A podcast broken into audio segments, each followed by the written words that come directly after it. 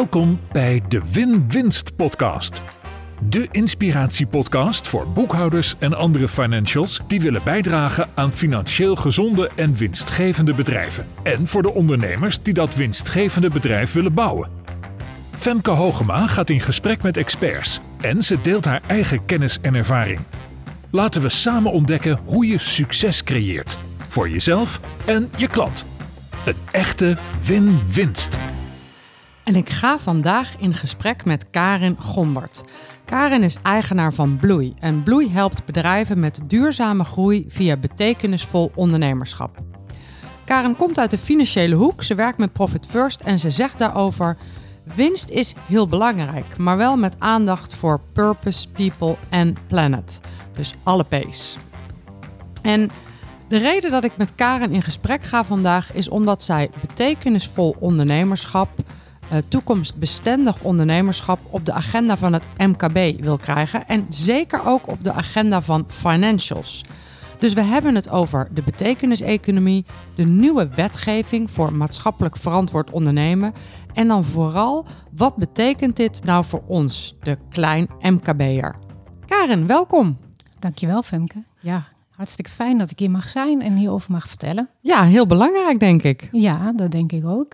Ik uh, zou het eigenlijk zelf al toekomstbestendig ondernemerschap willen noemen. Betekenisvol en duurzaam ondernemerschap is ook heel mooi. En, uh, uh, en dat zijn misschien termen die we allemaal al wel kennen. Maar gezien ja, wat er aan gaat komen, ook op het gebied van de wetgeving, waar we het straks over gaan hebben, is het eigenlijk toekomstbestendig ondernemerschap. Ja, precies, precies. Dan gaan we het hebben over toekomstbestendig ondernemen. Maar eerst eventjes over jouw onderneming. De ondernemer en haar boekhouding. Want jij bent ook ondernemer, uh, al heel lang. Uh, succesvol bedrijf met je man gehad en nu je eigen bedrijf Bloei. Um, hoe heb jij je boekhouding geregeld? Ja, klopt. Ik ben sinds 2011 uh, zelfstandig ondernemer met Bloei. En mijn man heeft uh, al langer, ruim 20 jaar, 22 jaar, een marketing-communicatiebureau. En vanuit Bloei heb ik mijn eigen uh, financiën geregeld met Moneybird. En ik gebruik natuurlijk ook de Profit First methode. En misschien leuk om te vertellen, ik heb dit jaar mijn eigen winst, kwartaalwinsten vanuit de Profit First methode gebruikt om te investeren in de tuin. Wij zijn twee jaar geleden verhuisd en we hebben eerst binnen en daarna buiten veranderd. En nu veel Profit First bloemetjes in de tuin staan. Ja, prachtig. Dus, echt superleuk. Ik zag ja. er ook een foto van op LinkedIn. Heel erg leuk. Ja, Profit First bloemetjes. Ja, dat is toch alleen het woord al, daar worden we toch heel blij van. Ja. En um, stuur je op cijfers? Ja, zeker. Sinds uh, kort heb ik een uh, medewerker in dienst. En uh, daarmee wordt het natuurlijk nog belangrijker om te sturen op cijfers. Kijk, als je in je eentje bent en je hebt weinig kosten, een laptop en wat vervoerskosten en huisvesting, dan is het nog heel erg te overzien. Maar met een medewerker wordt het dan een ander verhaal. En zeker als je meerdere medewerkers in dienst hebt. Dus ja, zeker stuur ik op cijfers. Ja. En hoe dan? Hoe, uh, waar kijk je naar? Ja, eigenlijk vanuit, nou ja, to, door het toepassen van de Profit First methode heb je natuurlijk direct inzicht in je bankstand. En dat is natuurlijk al heel erg fijn. Je weet ook altijd wat je nog niet uit kan geven, omdat het voor de Belastingdienst is. Dus uh, ja, dat is eigenlijk uh, voor mij ook een hele makkelijke methode. Ja, en super. Overzichtelijk. Ja, ja mooi. Ik, ik stel deze vraag natuurlijk altijd. En hoe vaak ik de, de, de reactie krijg, ja, hoe? Nou, gewoon profit first. En uh, dat is wel heel herkenbaar. Ik heb dat zelf ook een beetje. Ja, niks geen kengetallen of moeilijke dingen. Profit first en winstgevende plannen. Dat, dat doet het hem. Precies. Ik heb een afmaakzin voor je. Geld is...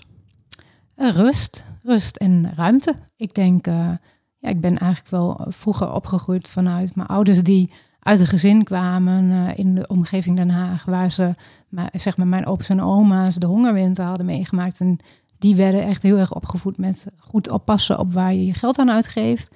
En uh, dat heb ik wel meegekregen van huis uit. Maar door het ondernemerschap heb ik ook geleerd, hè, geld geeft rust, maar ook ruimte, ruimte en mogelijkheden om te investeren en om door te groeien, letterlijk. Ja. Mooi. Moest je daar moeite voor doen om de overstap te maken van alleen maar goed opletten naar ruimte? Nou, dat heeft wel een aantal jaar. Dat gaat wel, wel geleidelijk. En wat ik leuk vind om te zien is dat mijn ouders ook makkelijker zijn geworden in uh, ook genieten. Hè? Niet alleen maar heel erg opletten in wat je uitgeeft, maar ook wel gewoon mooie dingen uh, meemaken en uh, genieten van het leven. Ja, mooi. Dus zij hebben ook die stap kunnen zetten. Zeker. Ja. Ja. Wat is een belangrijk principe dat je over geld hebt geleerd? Ehm, ja, dat, eh, nou ja, de eh, cliché geld maakt niet gelukkig is absoluut waar. Maar inderdaad wel rust en, eh, en ruimte gevend.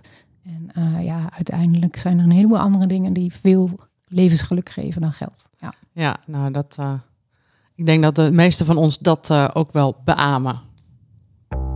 De expert aan het woord. Oké, Karin, we gaan het hebben over toekomstgericht ondernemen, over de betekeniseconomie. En allereerst, wat is betekenisvol ondernemen of wat is de betekeniseconomie? Ja, goede vraag natuurlijk. Daar zit ik hier voor. En eh, kijk, een van de dingen die eh, heel erg eh, actueel zijn, is dat er allerlei nieuwe ontwikkelingen zijn op gebied van wetgeving. Maar betekenisvol ondernemerschap eh, staat eigenlijk voor dat je niet alleen gaat voor winstmaximalisatie, maar dat je eh, gaat voor duurzaam en lange termijn ondernemerschap, waarbij je ook op andere gebieden, hè, je noemde net al die P's, planet, people en profit.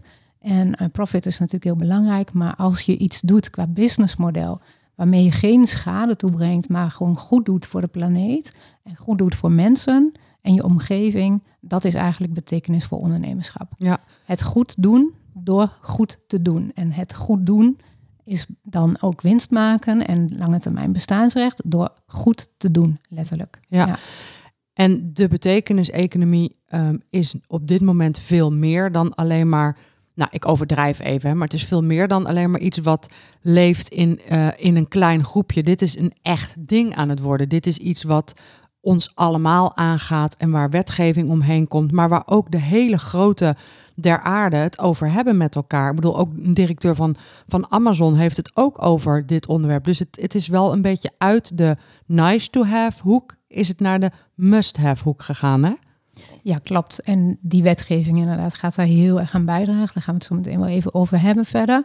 Ehm, het, ehm, het is niet meer iets wat ehm, eh, vrijwillig is. Hè. Het is echt een, een verplichting aan het worden. En ik geloof ook oprecht in dat het heel veel kansen biedt. Want kijk, ehm, we zitten natuurlijk in een situatie dat de wereld heel erg in beweging is en in verandering.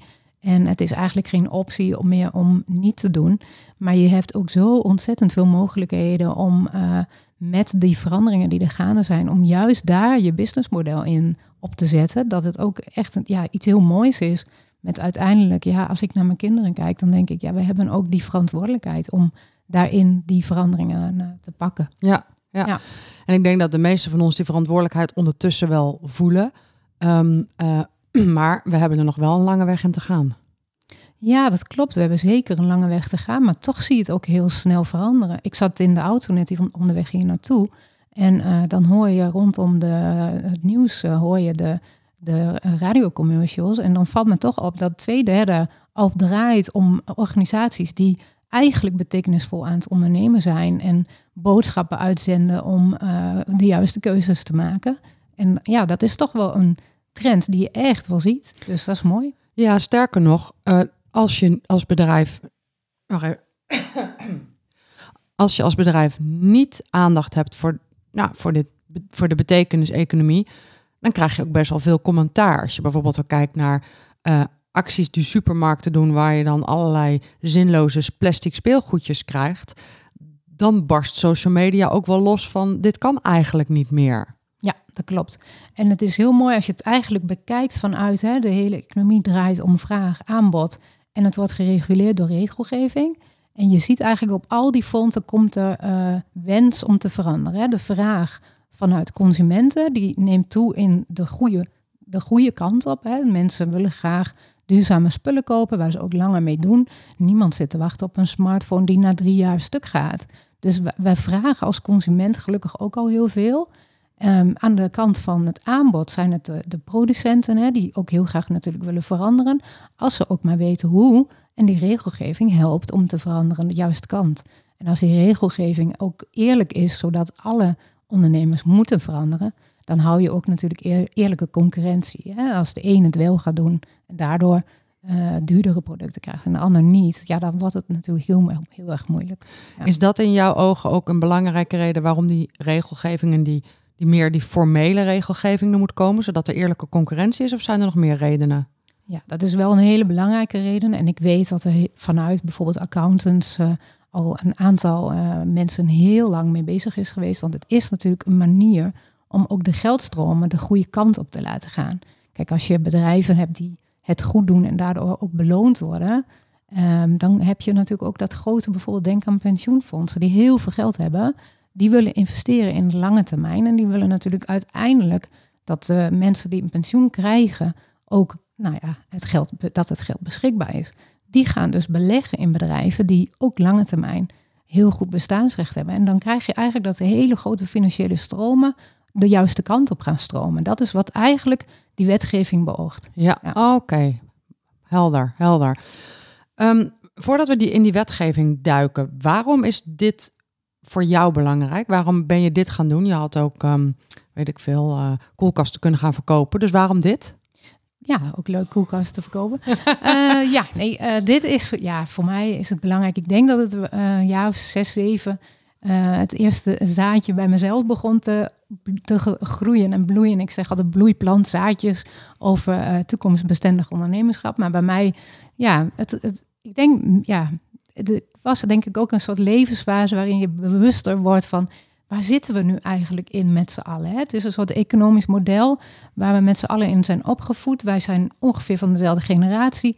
Wij hebben met de paplepel ingekregen dat je die winstmaximalisatie, ga je investeringsbeslissingen doen, dan moet je altijd de beste keuze, wat het meeste winst oplevert.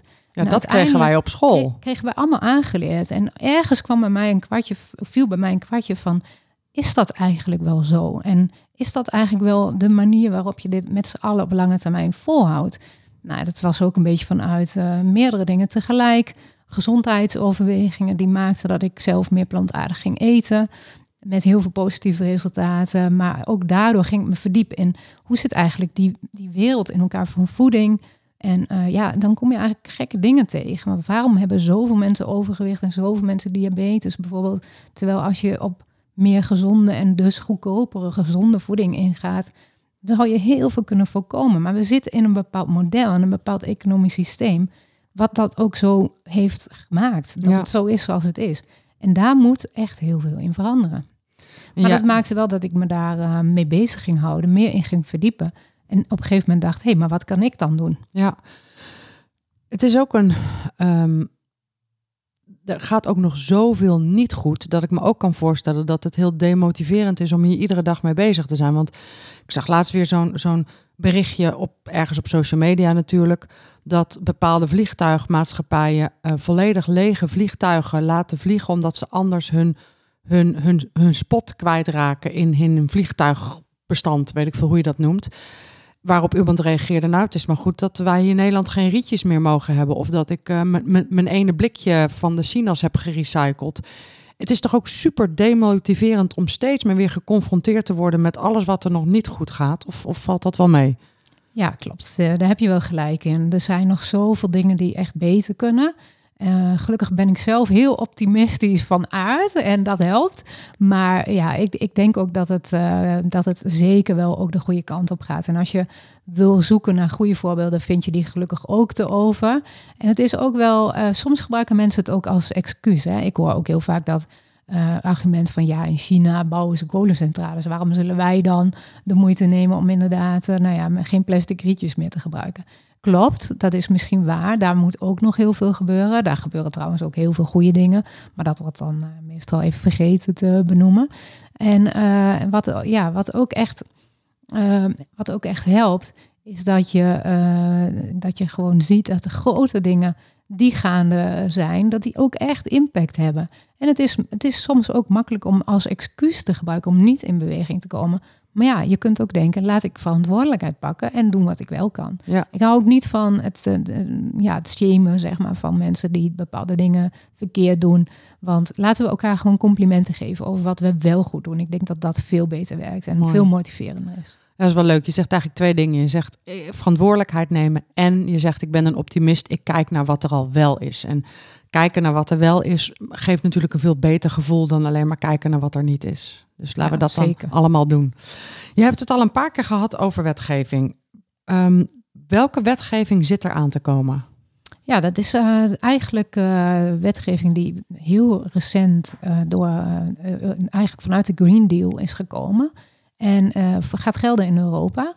Per 1 januari 2024 gaat die in. Dat is de CSRD. CSRD. En die staat voor. Ehm, even kwijt. Nou, maakt niet uit. CSRD. Zetten we in de show notes. Maakt niet uit. Kunnen Um, mensen googlen? Ja, kunnen mensen googlen. Nee, het is wel uh, even belangrijk uh, om inderdaad te, te, weten. De Corporate Sustainability uh, Reporting Directive. Ja, hij is er weer. Het is ook zo'n lange term. Ja, en, en die de, staat... de onrust van zo'n podcast moet je het ineens... Corporate Sustainability... Corporate Sustainability Reporting Directive. Ja, dus op zich is dat woord dus ook heel duidelijk. Het gaat nu even om corporates, sustainability, uh, snappen we allemaal. Reporting gaat over het uh, rapporteren erover. En directives is richtlijnen. Ja, ja oké. Okay. Ja. En waar het op neerkomt is dat uh, als onderdeel van het jaarverslag in het bestuursverslag moet er gerapporteerd gaan worden over impact wat, wat een onderneming heeft op gebied van de, de, de klimaat en sociale omgeving en op, ook de kansen daarop maar ook uh, de risico's. Dus stel dat je als ondernemer in een, uh, in een uh, gebied zit waar risico's zijn en dus financiële risico's op jouw ondernemerschap, moet je daarover rapporteren. Maar ook als jij als ondernemer in de keten zorgt voor vervuiling, zul je daar ook over moeten rapporteren. Aan de andere kant mag je ook over kansen rapporteren, wat dus ook een hele positieve kant heeft. En het is niet meer vrijblijvend. Het moet in het, uh, in het bestuursverslag, onderdeel van het jaarverslag, zei ik net al. En dat betekent hè, dus dat grote ondernemingen, uh, ja, die hebben accountantscontrole. Dus accountants moeten daar ook wat van vinden. En wat je ziet is dat er nu uh, bijvoorbeeld nou, instituten als Nijrode allerlei opleidingen aan het geven zijn om accountants dit ook aan te leren. Want het gaat natuurlijk ook nieuw, ja, is ook nieuw voor wat, wat in dat vakgebied voort gaat komen. En ja, daar zullen dus heel veel dingen nog nieuw ontdekt moeten worden. En het begint bij grote beursgenoteerde ondernemingen. Dus uh, dat vanaf 1 januari 2024 voor grote beursgenoteerde bedrijven ja. in Europa. Ja, in ja. Europa. En daarna, het jaar daarna, voor middelgrote beursgenoteerd. En het jaar daarna voor klein beursgenoteerd. Ja, en daarna is het natuurlijk wachten op wat er uh, dan vervolgens in het MKB van toepassing is. En wat uh, denk jij dat het ook uh, in het MKB uh, relevant wordt? Nou, het wordt eigenlijk al direct relevant voor het MKB als jij leverancier bent van een grote onderneming, of een middelgrote of een kleine. Want dan van een kleine beursgenoteerde onderneming. Want dan krijg jij al direct daarmee te maken. Want zo'n zo'n grote organisatie die gaat de verantwoordelijkheden niet, ze gaan het eigenlijk allemaal niet zelf uitzoeken natuurlijk. Dat kost super veel tijd.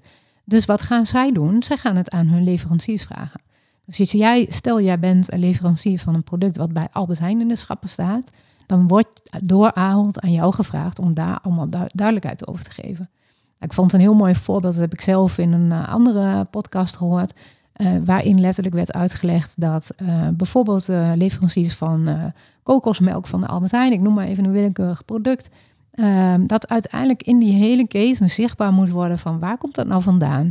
Hoe vervuilend of niet vervuilend is het geproduceerd? Uh, is er ook gelijke uh, en eerlijke beloningen? Heeft dat helemaal plaatsgevonden in de hele keten? En dat moet allemaal uitgezocht. En er zijn heel veel grote organisaties al best wel een tijd mee bezig, ook heel veel niet. En degenen die er al mee bezig zijn, hebben natuurlijk wel een voorsprong. Als je er nog niet mee bezig bent, ja, dan zul je echt aan de bak moeten.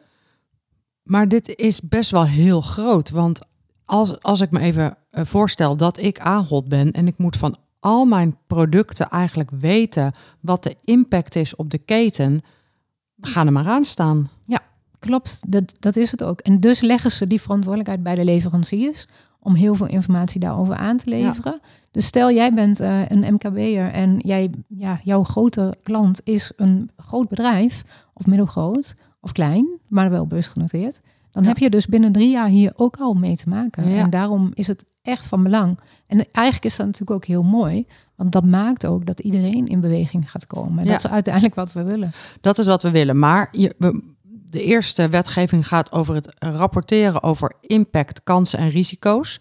Daar staat nog niet in dat bepaalde dingen niet mogen. Nou, als je uh, er niet duidelijk genoeg over rapporteert, dan kun, kan dus een accountant er wat van vinden. Mhm. want er zijn natuurlijk meerdere manieren waarop uh, bedrijven hier ook op kunnen worden aangesproken als ze het niet goed doen. Ja. Je hebt aan de ene kant de AFM, die er wat van mag vinden als het onduidelijk is bijvoorbeeld. Dan, dan wordt daarover richting de bedrijven wat ja, aangegeven. Uh, aan de andere kant, de accountant, ja, die heeft natuurlijk ook zijn verplichtingen. Ja, maar stel nou dat het wel duidelijk is. Hè? Bijvoorbeeld, er is ook altijd gedoe over chocola en over chocoladepasta. Dus we pakken even een, een merk chocoladepasta wat um, um, uh, ja, lekker goed verkoopt. Goed verkopende chocoladepasta. En uh, als je die hele keten doorgaat, blijkt dat, het, dat er wat vervuiling in de keten zit. In ieder geval dat er ook niet helemaal eerlijk betaald wordt aan de cacaoboeren. Nou, dan heb je dus een product wat uh, in die zin niet helemaal toekomstbestendig is. Nou ja, dan rapporteer ik daarover. Maar zit er dan ook in die wetgeving dat ik moet zorgen dat dat product of uit mijn assortiment gaat of toekomstbestendiger wordt? Of hoeft dat dan niet? Nou, dat zit niet in die rapportagewetgeving, maar je krijgt natuurlijk wel uh, de, de, effecten hiervan. Zijn dat bijvoorbeeld aandeelhouders denken, ja, maar kijk, daar wil ik liever niet in investeren, want dat Ja. ziet er niet duurzaam en toekomstbestendig uit. En dat is uiteindelijk wat die wet denk, ja, eh, Ja. naar verwachting gaat doen. Hè? Dus dat, de, de, ja, dat er meer besteed wordt. Ook, hè, dat klanten ook liever kopen bij bedrijven die het wel goed doen. En uiteindelijk ook investeerders liever investeren in bedrijven die het wel goed doen. Helder. Ja. Dus het gaat ook heel erg over die transparantie eh, in, in, in de rapportages brengen, zodat we de informatie hebben om hier als consument en als investeerder slimme beslissingen in te nemen. Ja. Klopt. Helder, helder.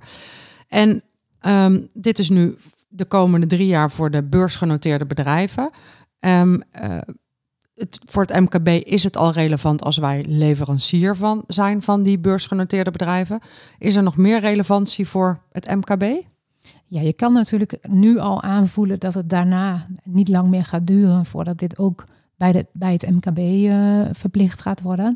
En eh, ja, ik, ik ben ook heel erg ja, zeg maar, gemotiveerd om ons eh, vakgenoten, financials en adviseurs en accountants echt eh, ja, aan te sporen en aan te moedigen om dit mee te nemen in de dienstverlening. Hè. Dit geeft ons natuurlijk ook meer mogelijkheden en kansen om hier al eh, mee bezig te gaan. Maar je doet, voor je, je doet je klant oprecht een plezier om ja, ze nu alvast te helpen om daarin de juiste keuzes te maken. Ook voor de, voor de lange termijn toekomstbestendigheid van jouw eigen klanten. Wat, want ja, als je nu een, nieuw businessmodel gaat beginnen met een product of dienst waarvan je eigenlijk weet van ja, dat is niet heel toekomstbestendig vanuit dit, deze perspectieven, moet je je echt afvragen of je daar iets in wil opbouwen. En ik denk dat dat eh, een hele mooie boodschap is aan ja, financial, financials en adviseurs en bedrijfscoaches en eigenlijk iedereen in dit vakgebied om eh, klanten daar ook echt eh, ja, in de weg te wijzen en te helpen en de juiste adviezen te geven. Dus daar liggen kansen voor financials. Misschien ook wel verplichtingen, maar zeker nu ook kansen om hier nu al ehm, alert op te zijn richting klanten, om hun klanten hierin te adviseren. Wat vraagt dat van een financial? Hoe kan een financial, laat maar zeggen, eh, wijzer worden op dit gebied? Ja, ik denk sowieso dat het heel slim is om in ieder geval die wetgeving en die eh, ja, zeg maar ontwikkelingen die er zijn goed te volgen. Probeer te begrijpen wat het betekent. Ook eh, probeer het door te vertalen in de business van jouw klant, zodat je daarin al de juiste eh, kant op kan adviseren. En er zijn natuurlijk ook wel hulpmiddelen eh, voor om dat eh, bij jouw klant onder de aandacht te brengen. En een van de dingen die daarvoor kan helpen is eh, wat ik heb meegenomen. Dat is Ja. een betekenisbox. Ja? Ehm, wat misschien handig is om wat heel even... Ja, het is een podcast, dus ik moet even natuurlijk Nou, we hebben er vertellen. video wat bij. wij- we hebben video, Ja. maar voor de mensen die Ja. niet Precies. kijken, maar luisteren. Het is een, eh, ja, het is een, eh, het heet de Betekenisbox. Het is ontwikkeld door de stichting eh, Betekeniseconomie. En zelf ben ik lid van de stichting Betekeniseconomie in Twente. Ehm zit ook in meerdere regio's van Nederland. En wat het eigenlijk is, is je hebt een soort van, ja, het is een soort spel wat je kan spelen met ehm, management, directie en eh, afvaardiging van een organisatie. Eh, je hebt eigenlijk een, een speelbord met een eh, vier kwadranten. En die gaan op assen van doen we wel tot doen we niet. Willen we niet naar willen we wel. En je krijgt eerst een aantal stellingen. waarbij de deelnemers wordt gevraagd om die te plaatsen in dat kwadrant. En die stellingen verdeel je gewoon onder de, onder de deelnemers. En vervolgens ga je eigenlijk de ronde in om te kijken van liggen die stellingen op de goede plek. Het kan natuurlijk best wel dat een medewerker een stelling op een andere plek legt dan iemand vanuit het management. Nou, dat is eigenlijk ronde 1 om te zorgen, liggen ze op de goede plek. Nou ja, en dan uiteindelijk wil je natuurlijk met elkaar proberen te bepalen dat wat in het kwadrant willen we wel, doen we niet, ligt. Om dat te bespreken en daar wil je eigenlijk een soort actieplan uh, voor opstellen. Nou, oh. Uh, dit, dit, uiteindelijk, als je dus de rondes doorspeelt, dan heb je als eindresultaat een actieplan voor jouw organisatie. Super, dus, dus uh, het, is een, het is een hele toegankelijke manier om in kaart te brengen waar, waar willen wij nu actie op nemen. Ja. Ja, en, Die, en die stellingen, wat voor soort stellingen zijn dat? Nou, Femke, ben je er klaar voor? Ja. Ik zal een uh, stelling uh, even over de bühne gooien. Ja. Mag je hem toepassen op jouw eigen onderneming? Ja. Wij hanteren voor al onze producten en diensten een rechtvaardige prijs. Wij hanteren voor al onze producten en diensten een rechtvaardige prijs. Nou, ik doe mee, maar de luisteraar moet natuurlijk zelf ook even meedoen. Hè? Precies. Um, ja, ik zeg natuurlijk meteen, doen we. Dus ja, doen we en willen we ook. Uh, en natuurlijk is dan ook de vraag, en dat is misschien ook wel het doel van het spel, wanneer is een prijs rechtvaardig? Ja. En voor mij gaat rechtvaardig, want er komt er ook meteen een discussie, maar voor mij gaat rechtvaardig over dat de prijs in overeenstemming is met de waarde die je levert. En dat de prijs uh, uh, kostendekkend is. En dat de prijs winstgevend is. Want zonder winst geen toekomstbestendig bedrijf. Klopt. En op basis van die criteria, dat zijn mijn criteria, zeg ik ja op deze stelling in dit kwadrant willen we, doen we. Ja, ja. Nou ja, dat uh, is mooi onderbouwd. En ik denk ook, uh, ook op die manier. Uh, ik moet dat prima. natuurlijk ook wel zeggen, ja. want als ik nu zeg dat doen we niet. Ja. Nee, maar nee, nee grapje hoor. Nee. Nee. maar dat geloof ik zeker. Dat we, dat, dat we daar, dat we daar echt wel bewust mee bezig zijn. Ja. Mooi. Nou, ja. Dat is want dat is wel, want we hebben het natuurlijk over profit first, maar ook over de andere P's, over planet, over people, over purpose. En ik denk dat het wel goed is om dat toch nog een keer te noemen. dat Profit first gaat niet over hebberigheid. Profit first gaat niet over ik wil zoveel mogelijk winst maken over de rug van anderen. Profit first gaat echt over dat je winst in de breedste zin belangrijk maakt. En profit first gaat er dus over dat je um, aandacht hebt voor dat je de salarissen kunt betalen, maar dat er ook genoeg winst is om te kunnen investeren, om een buffer op te bouwen. Dus winst gaat over toekomstbestendigheid. Dat wou ik dan toch nog maar even toelichten. Ja, nou ja, dat is ook heel mooi. En ik vind ook het uitgangspunt om de Profit First methode te gebruiken om uh, armoede onder ondernemerschap te voorkomen. Dat is ook echt een prachtige missie. Dus, precies, uh, precies. Ja, ja, ja, Nou, ik heb er nog één. Ja. Uh, misschien ook even voorstellen dat je een ander soort organisatie hebt. Dan zou je deze stelling heel mooi kunnen toepassen. Wij, wij zorgen ervoor dat iedereen die met ons samenwerkt en onderdeel uitmaakt van de productieketen, passend en eerlijk beloond wordt. Ja, mooie vraag. Um, want dat betekent dat je niet zo goedkoop mogelijk uit wil zijn, maar dat betekent dat je zorgt dat iedereen passend en eerlijk beloond wordt. Ja, ja ik persoonlijk vind dat heel erg belangrijk. Um, en ik, ik geloof ook dat wij dat echt doen. Wij zijn niet uh, op zoek naar de goedkoopste werknemers, uh, omdat ik daar helemaal niet in geloof. Ik geloof ik, ik geloof heel erg in eerlijke beloning. Ja. ja. Dus de winst, uh, uh, ja, de winst deel ik ook deels. Mooi. Ja. ja. ja. Nou, kijk, als je dit uh, hè, toepast op organisaties die bijvoorbeeld ook ja, producten inkopen ver weg, dan is het natuurlijk heel interessant om daarop door te vragen. Ja. Ik heb, uh, wij hebben zelf bij ons uh, marketing communicatiebureau hebben wij een offerte uitstaan voor, voor een aantal vervangingsdingen op het gebied van onze IT. En ik heb de leverancier letterlijk gevraagd: weten jullie waar je je spullen inkoopt? Waar, waar, waar halen jullie de producten vandaan? Welke fabrieken zijn dat?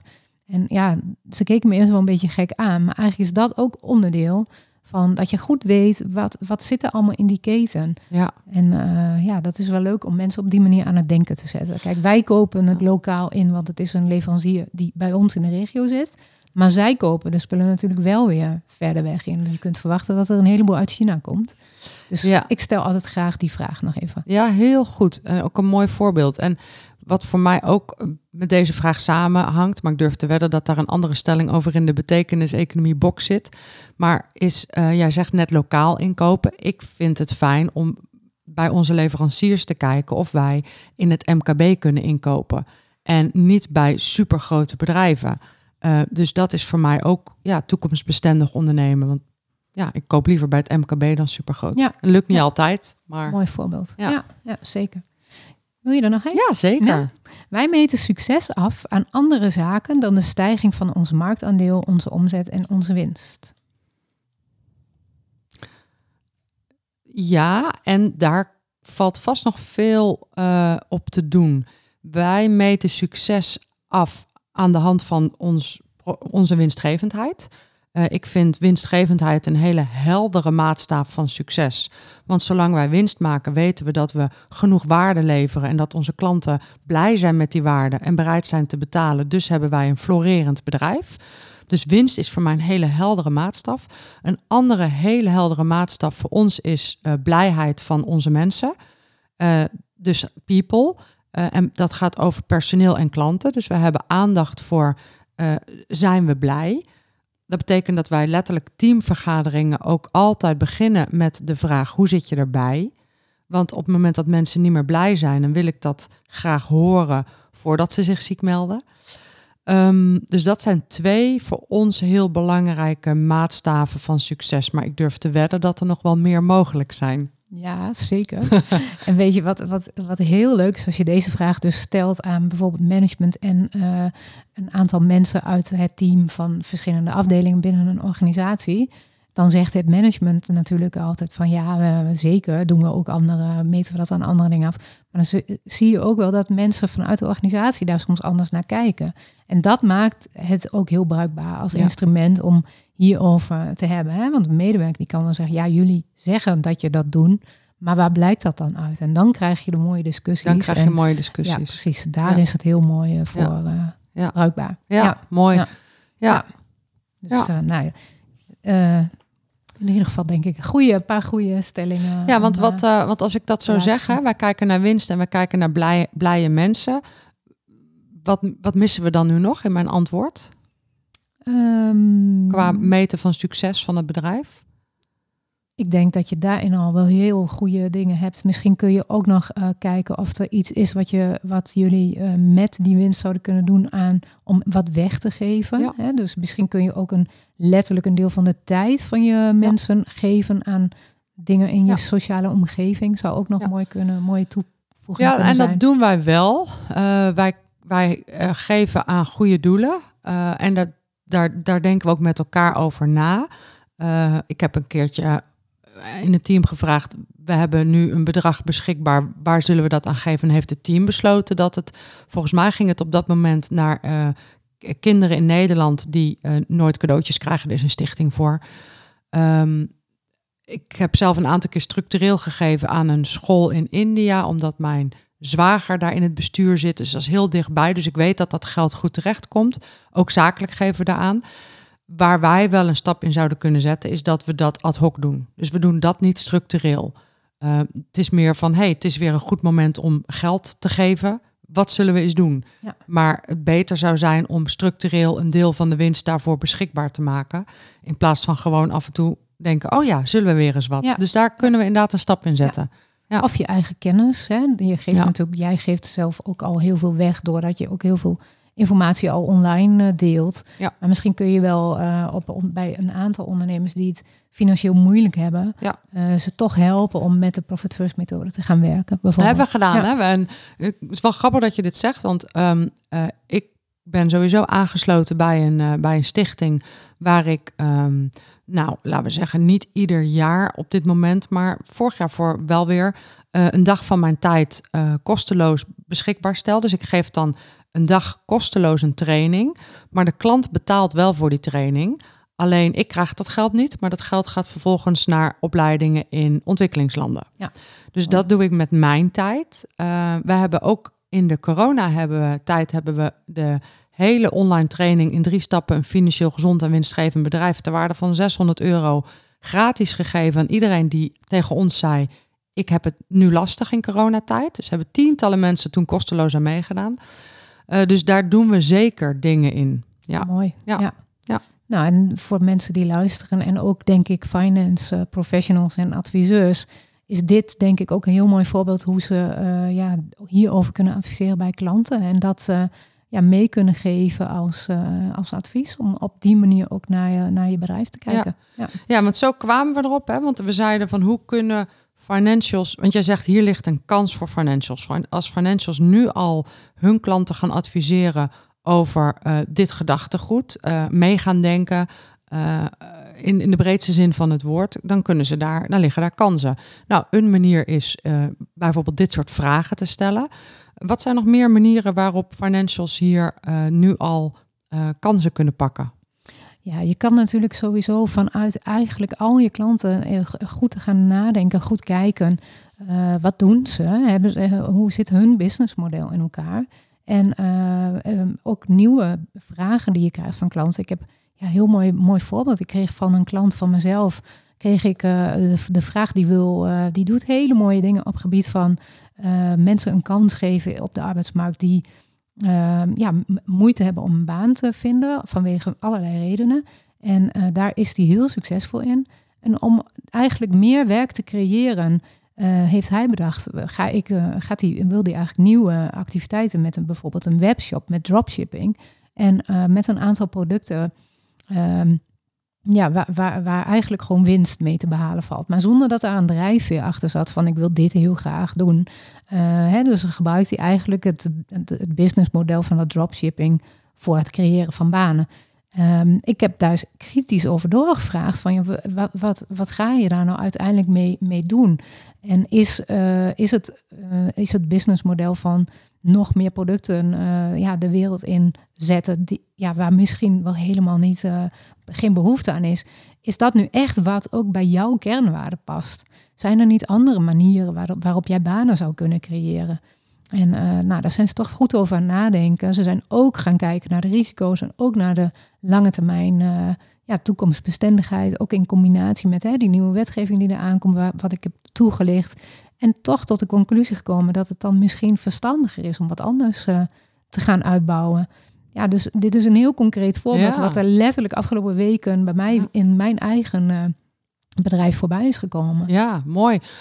Als ik me nu in die financial verplaats, kan ik me ook voorstellen dat de financial zegt: ja, ik, dat is wel heel leuk en aardig dat ik mijn klanten dit soort vragen ga stellen, zoals jij bij, bij jouw klant hebt gedaan die werk, werkgelegenheid wil creëren, maar misschien opnieuw moest kijken naar de manier waarop. Maar gaat de eindklant, de ondernemer, daar dan zijn boekhouder of accountant voor betalen? Ja, ik denk dat het wel ligt aan wat jouw rol is. Als, uh, kijk, als boekhouder uh, zit je misschien iets meer in de uitvoering dan wanneer je echt als adviseur of als accountant. Nou, mijn klanten zijn natuurlijk wel adviseurs. Ja, Ik, ik, ik, zou het zelf ook niet, niet anders willen hoor, dan uh, de adviseursrol. en ik, uh, om nog heel even door te gaan op het voorbeeld van die klant van mij, die, um, ja, die, die vond het eerst even niet zo leuk wat ik zei, want het was wel heel kritisch. Uh, maar daarna bedankte hij me toch dat ik hem aan het denken had gezet. Weet je, dat is denk ik ook de rol van een adviseur. Om, om, jij, je wil ook uiteindelijk het beste voor je klant.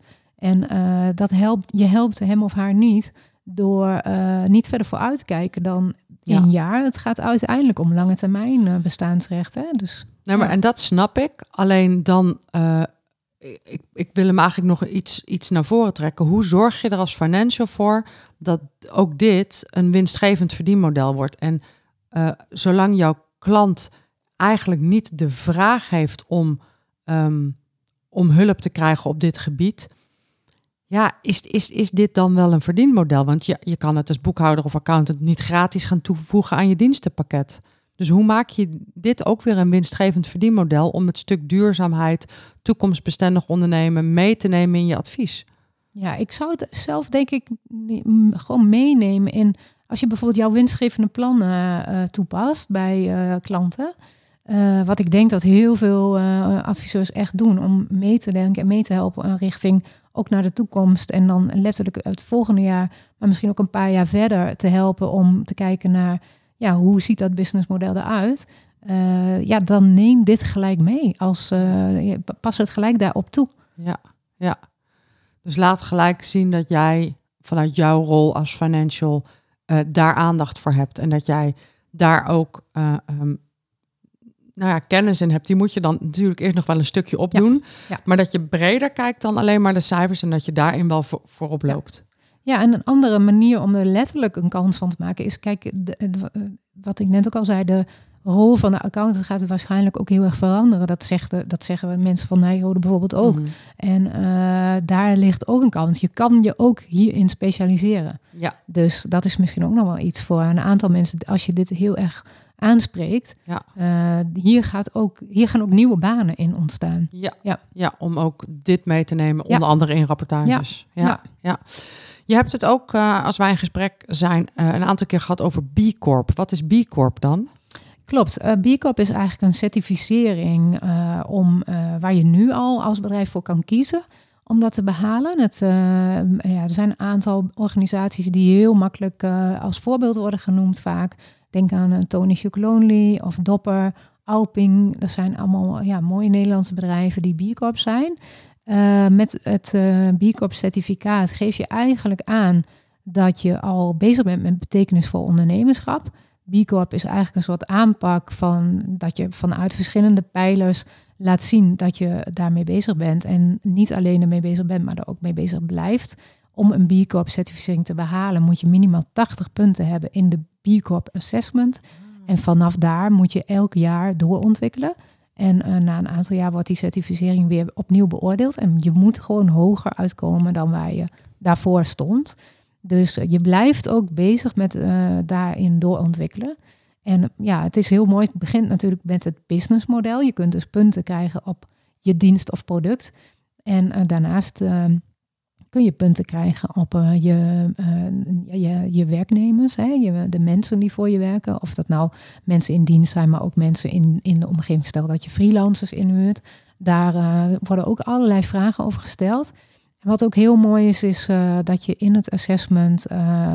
oh ja, ik ga iets te snel, merk ik. je kunt ook nog punten krijgen voor de omgeving van je sociale omgeving, wat je daar eventueel voor terug doet. En ook uh, het, de pijler duurzaamheid. En dat gaat natuurlijk echt letterlijk over uh, gebruik je duurzame energie en doe je een afvalscheiding. Dus daar zitten natuurlijk de, de meest voor de hand liggende punten. Maar um, het assessment is eigenlijk ook heel mooi te gebruiken als model om omdat het gewoon gratis beschikbaar is. Het is een online omgeving. En daar kun je een account aanmaken, ook als je geen B Corp certificering wil. Maar je kunt daar al door uh, jouw gegevens in te vullen van jouw bedrijf, kun je uh, heel veel mooie vragen krijgen waar je makkelijk je eigen actieplan op, op kan formuleren om ook stappen te maken. Dus het is ook eigenlijk een tool, net zoals die betekenisbox ook een tool is, kan je het B Corp Assessment ook als tool inzetten om je organisatie al veran te veranderen. Super mooi. En uh, dat B Corp Assessment, de bedrijven die je noemt, uh, nou, die, die kennen we. Hè? Auping, Dopper, uh, Tony Chocoloni. is dit alleen voor grotere MKB-bedrijven of kan een heel klein MKB-bedrijf, laten we zeggen tot 10 werknemers, ook die certificering krijgen? Dat kan zeker. er zijn ook zeker kleinere ondernemingen die dat doen. Wij zijn zelf nu met het bedrijf Marketing Communicatiebureau Moor van mijn man zijn wij bezig om een B Corp certificering te halen. Uh, daar zijn we met ongeveer 30 medewerkers.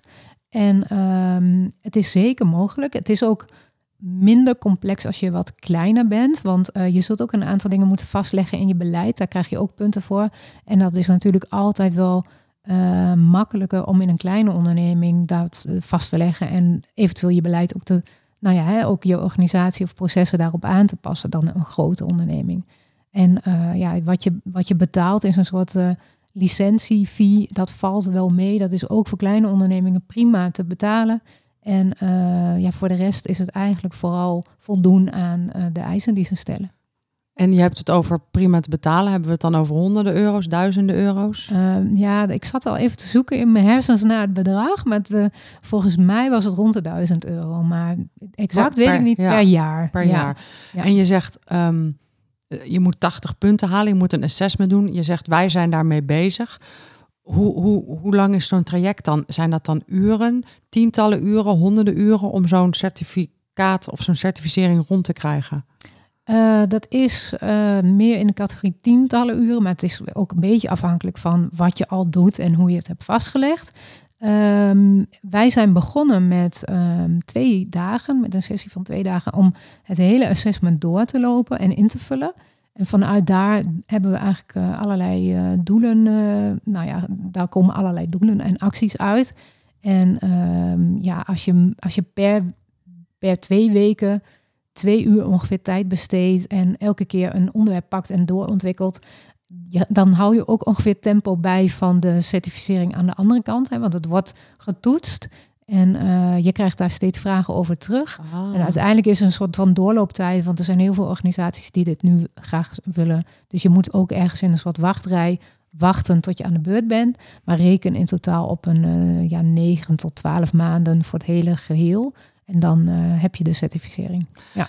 En Als waarom, je die punten ja, hebt. En waarom willen jullie dat? Is dit, ja, is dit alleen een stickertje van we doen het goed of, of heb je daar ook echt wat aan?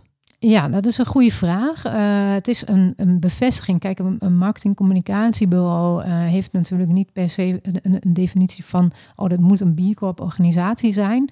Uh, vanuit het bureau hebben wij heel erg de behoefte ook om, of daar helpen wij eigenlijk merken die ook on a mission zijn in die transitie. En vanuit dat gedachtegoed zijn we al jaren heel hard bezig en is die B Corp certificering ook een ja, een bevestiging van dat we uh, op, de, op de goede manier uh, bezig zijn. Dus dat maakt dat het voor ons wel een extra ja, mooie uh, ja, bevestiging is, letterlijk. Ja. ja, en ik kan me voorstellen dat het voor jou persoonlijk vanuit jouw bedrijf ook heel fijn is als je zo'n proces een keertje helemaal hebt doorgelopen, zodat je ook daar klanten weer beter over kunt adviseren. Klopt, ja, dat is het zeker. En wat ik zelf heel mooi vind aan het assessment is dat het zich aanpast aan het soort business wat je hebt. Dus heb je een productiebedrijf, krijg je andere vragen en andere acties dan uh, wanneer je bijvoorbeeld een dienstverlenend bedrijf bent. Dus het is heel, ja, eigenlijk bijna interactief qua, uh, qua, qua model. Goh, en dat is heel mooi. Leuk. Ja. Want dat zou ook nog een um, businessmodel kunnen zijn voor boekhouders en accountants om zich te verdiepen in B Corp en bedrijven hierin mee te helpen. Ja, klopt. Ja. Als je daarop googelt, zijn er ook al bedrijven die dat doen, adviseurs die dat doen. Ja. ja. En doe jij dat ook vanuit Bloei? Nog niet, maar uh, ja, is wel iets wat, uh, wat interessant kan zijn. Ja. ja. Mooi. Um, zijn er nog andere dingen die je wil vertellen over de betekenis-economie, over toekomstbestendig ondernemen, over de wetgeving, over B Corp? Nou, misschien is het nog wel even goed om te benoemen dat, uh, kijk, je hebt natuurlijk organisaties die beginnen al vanuit een uh, businessmodel wat eigenlijk toekomstbestendig is. En er zijn ook heel veel organisaties die dat helemaal nog niet van nature zo hebben. Hè. Die zijn ooit misschien gestart op een andere manier in een andere tijd en die zijn bezig met die verandering. En dat is waarschijnlijk, dat laatste is waarschijnlijk moeilijker, maar is juist ook heel mooi en ook het is ook helemaal niet erg als dat even duurt. En je, ik denk ook dat we dat met z'n allen wel moeten accepteren. Tuurlijk, je, iedereen voelt wel een soort van urgentie. Maar ja, het feit dat er verandering plaatsvindt, als je 10% verandert per jaar of 15% kan veranderen per jaar de goede kant op, ben je over 5 tot 10 jaar ook echt veranderd. Hè? Dus dat is wel wat belangrijk om, uh, ja, om dat ook even te benoemen. Dat, uh, ja. ik, had, uh, ik heb hier nog een voorbeeld van een bedrijf die echt al gestart zijn met een uh, vanuit eigenlijk het businessmodel uh, wat heel erg past bij betekenisvol ondernemerschap. Nou ja, dan moet, uh, mag jij hem openmaken. Nou, wat leuk. Maar je hebt dus een, een, een je hebt iets meegenomen, een doos. ik ga hem even openmaken en ik zal vertellen wat ik zie. Maar en dat is, dat heb je meegenomen omdat het een bedrijf is die meteen eigenlijk toekomstbestendig gestart is. Precies. Ja. ja, kijk, als je met een businessmodel begint, wat eigenlijk al meteen aansluit bij uh, betekenisvol ondernemerschap, toekomstbestendig ondernemerschap, dan uh, ja, heb je natuurlijk dat, dat Ja. streepje al voor. Ja. Leuk dat je dat uh, zo praktisch maakt met voorbeelden. Ik doe hem even open. Oh, wat leuk. Even kijken. Beste Femke. Zal ik hem even voorlezen? ja, dat mag. Ons team onder leiding van chefkok Bert heeft weer zijn uiterste best gedaan om voor jou de lekkerste cashewproducten te bereiden. Alle sishoes worden met de grootst mogelijke zorg smakelijk gemaakt en dan ook nog eens op de gezondst mogelijke manier en met de beste ingrediënten. We durven het zowaar note cuisine te noemen. Geweldig. Dus dit is het bedrijf Sishu. Ja, Kishu. Kishu. Kishu. Ah, oké. En dit zijn dus allemaal potjes. Volgens mij heb jij die een keertje eerder meegenomen. Want ik heb er al eens een keertje eentje van geproefd. Heb je al geproefd? Ja. Ja. Cashewnoten. Het Ja. zijn dus cashewnoten ehm, met verschillende smaakjes. Deze is met ehm, ahorn harissa, ehm, gerookt Zeeuws zeezout, tuinkruiden. Dus ik heb hier melkchocolade, dus ik heb hier gekruide eh, cashewnoten. Klopt. En Ja. wat maakt dit bedrijf dan zo eh, bijzonder? Ja, dat is omdat eh, de, de cashewnoten worden ingekocht. eh, in, eh, hè, ze groeien natuurlijk niet in Nederland, ze komen uit Afrika. Mhm. Maar binnen de wereld van de notenhandel gaat er heel veel op transport naar Azië. Worden ze daar gepeld en dan gaan ze daarna weer op transport naar de, nou ja, de landen als Europa, Amerika, waar ze verkocht worden.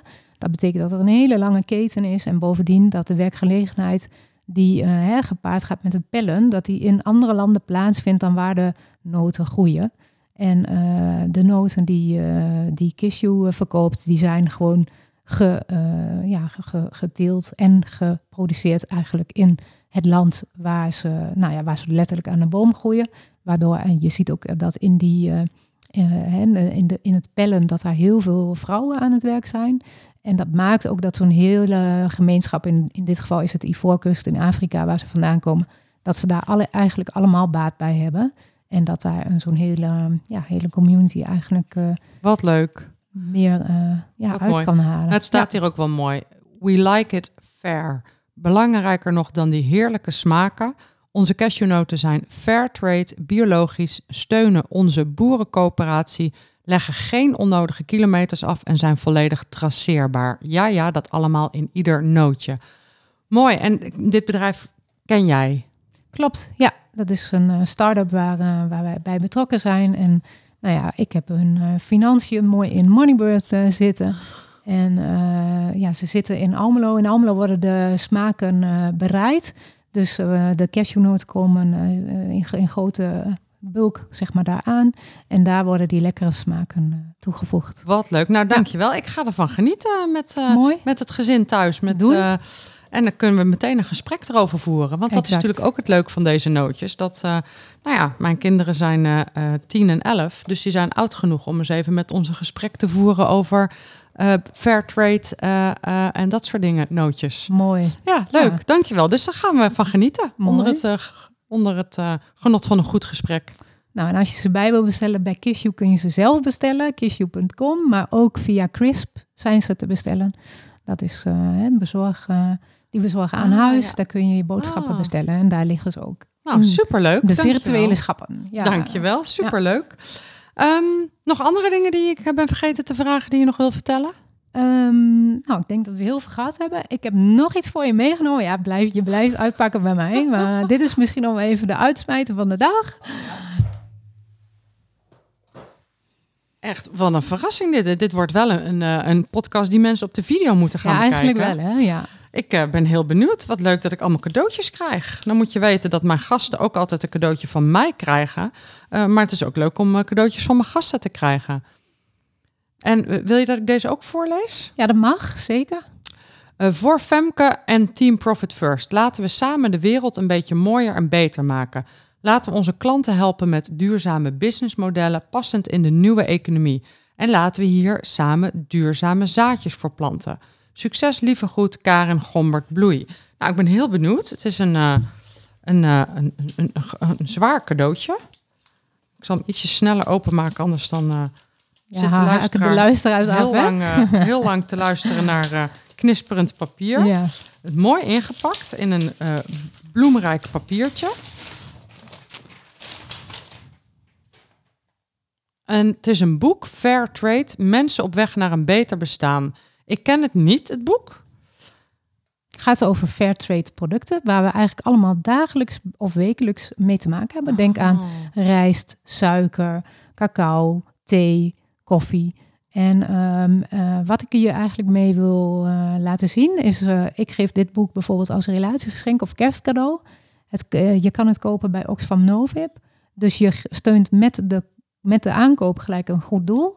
Het is een, ja, letterlijk een koffietafelboek met prachtige foto's. En ook nog heel veel informatie over producten waar we allemaal uh, nou ja, heel veel uh, van eten en drinken. En als je weet hoe de Fairtrade variant zeg maar, gemaakt wordt en geproduceerd wordt, dan uh, nou ja, draag je daarbij ook meteen bij aan een betere wereld. Mooi, dus het is een win-win-win. Want jij geeft een stukje kennis waardoor mensen tot inzicht komen dat ze hun producten misschien beter elders kunnen inkopen. En je geeft een, uh, een, een, cadeautje waarmee je ook nog eens een organisatie steunt die dat goed kan gebruiken. Ja, en daarom dacht ik, ik geef dit even ook als voorbeeld mee, omdat uh, we, we, krijgen nu zometeen, uh, oh nee, deze aflevering komt waarschijnlijk was het nieuwjaar ja. uit, maar we zitten in de opname nog voor kerst. Um, en het is ook leuk om, om daar eens wat dieper over na te denken. Het, soms zijn het kleine dingen. Ik, we hebben het heel veel gehad over de businessmodellen van een bedrijf. Maar je kan ook, uh, als je bijvoorbeeld een relatiegeschenken geeft, het is een soort van mindset. Wat, wat koop je, wat geef je, wat, wat heb je echt nodig? Is het, is het echt nuttig om het, om het ergens aan uit te geven? Als je er goed over nadenkt, dan um, geven we elkaar meer duurzaamheid ja. en uh, dingen om over na te denken. Wat ook tegelijkertijd iets heel moois kan zijn. En dat is echt een hele goede tip om ook bij je, bij je relatiegeschenken, maar ook bij je goodie bags op events gewoon eens goed na te denken over en in, in, in op welke manier draagt dit nu bij. Ja, ja, ja. mooi. Ja, mooi. dus ik heb nog één ding meegenomen als het nog mag. Ja, want mijn laatste zin op het kaartje was: laten we samen duurzame uh, zaadjes uh, planten. Nou, dat is ook nog een klant van mij. En daarom uh, geef ik deze nog even voor jouw hele team om uit te delen. Um, deze, ja, jij mag oh, vertellen wat je, er, wat je erin vindt. Kwiek bijenmengsel, biologische bloemenzaden, een tuin om te zoomen. Nou, super mooi. Uh, uh, ik word altijd heel erg blij van uh, bijenmengsels. Wij hebben een hele wilde tuin waar um, de bijen heel blij mee zijn. Maar wat ik ook pas een paar jaar geleden weer hoorde, is dat, um, dat, je, dat je niet zomaar plantjes moet kopen in ieder tuincentrum, omdat er heel veel gif tussen zit, waar de bijen helemaal niet blij van worden. Dus dat zijn weer dingen die moet je gewoon echt weten. Dus ik ben heel blij met een biologisch bijenmengsel. En ja. mijn team zeker weten ook. Dus dank. Ja, zij doen allemaal bedankjes op gebied van uh, tuinzaden. Dus ook dat is uh, ja, een heel mooi businessmodel. Ja, ja, superleuk. Zijn ook heel mooi doorgegroeid in de coronatijd, waarin iedereen elkaar ging bedanken. Dus dat was ja. echt heel erg leuk om dat mee van dichtbij uh, mee en te maken. Ook dit is weer een lokaal bedrijf. Zij zitten in Zwolle. Wat ja. leuk. Ja. Leuk. Superleuk dat je al deze super concrete en praktische voorbeelden hebt meegenomen, Karin. Ja, nou, dat leek me inderdaad. Het maakt het verhaal altijd duidelijker. Absoluut. De adviezen voor de financial. Dan sluiten we af met uh, een, uh, nou, een paar uh, adviezen. Je hebt al heel veel adviezen gegeven. Um, als, als we nu even kijken naar het, naar het grote geheel en naar mijn doelgroep. Heb je dan nog één of twee of drie adviezen waarvan je zegt, nou, die wil ik eigenlijk ook nog graag even meegeven, zodat iedereen op zoek op, op weg is naar een winstgevend bedrijf in de breedste zin van het woord? Ja, ja, ik heb ze natuurlijk eigenlijk al een beetje verklapt uh, in, de, uh, in het afgelopen uh, nou, dan, mag, dan mag je ze gewoon samenvatten. Dus samengevat zou ik zeggen, één, verdiep je in de, deze materie, hè, want alle financials gaan hier mee te maken krijgen, vroeg of laat. Dus uh, afhankelijk van hoe groot jouw klanten zijn, maar vroeg of laat. En uh, het is heel handig om die kennis alvast te hebben. Uh, twee, neem het, neem het mee in je adviezen aan je klant. Hè? Mm -hmm. Dus pak het bijvoorbeeld aan door met een winstgevend plan of een begroting voor de, voor de toekomst hier al heel goed over na te denken. En ja, als het je heel erg aanspreekt, uh, ligt ook een enorme kans, omdat hier heel veel nieuwe specialisten nodig zijn. Dus als je denkt, ja, daar wil ik wat mee, dat is ook een hele mooie om, uh, om jezelf hierin te specialiseren. Ja, supermooi. Dankjewel voor deze mooie, korte en krachtige samenvatting. Stel, ik geef je een toverstok, je zwaait en daarna is de boekhoudbranche zoals hij volgens jou zou moeten zijn. Wat is de belangrijkste verandering die je ziet?